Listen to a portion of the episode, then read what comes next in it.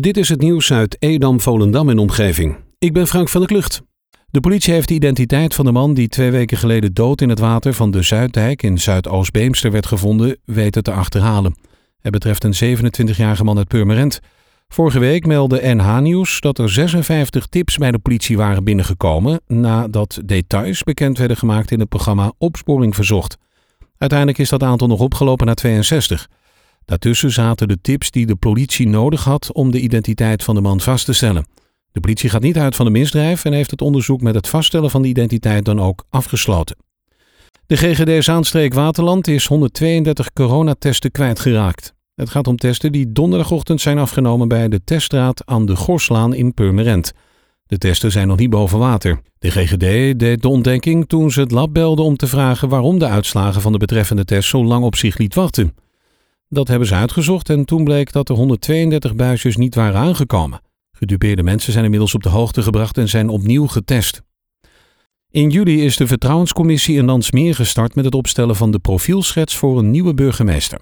Hiervoor hebben zij input gevraagd aan de inwoners.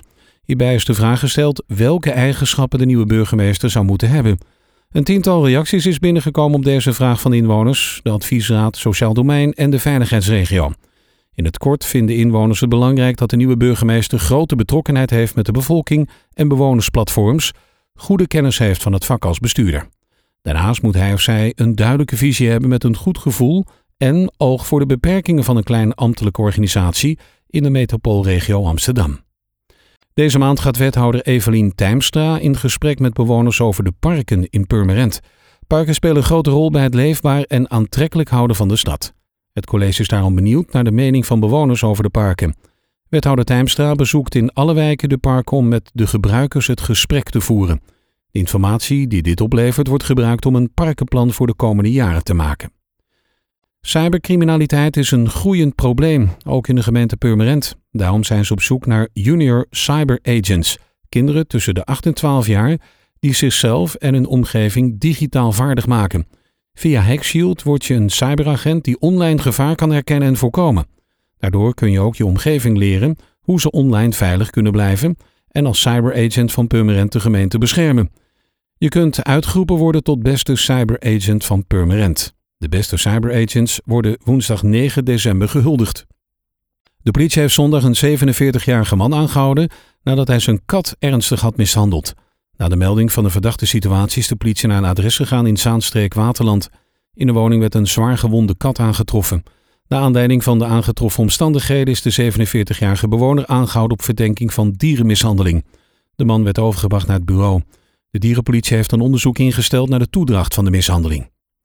Sinds de recente opleving van het coronavirus ervaren meer mensen het virus als bedreigend. Tegelijk is het draagvlak voor de maatregelen toegenomen en houden mensen zich beter aan de gedragsadviezen. Het meest opvallend is de toename in testen. 32% van de mensen met klachten die op COVID-19-besmetting kunnen wijzen, laten zich testen. En dat is bijna een verdubbeling ten opzichte van juni. Van de onderzoeksdeelnemers meldt 26% dat zij in de achterliggende zes weken klachten hebben ervaren die kunnen passen bij het coronavirus. Ruim de helft denkt dat dit komt door een onderliggende aandoening, zoals astma of allergie. Toch liet 21% van deze mensen zich voor de zekerheid testen.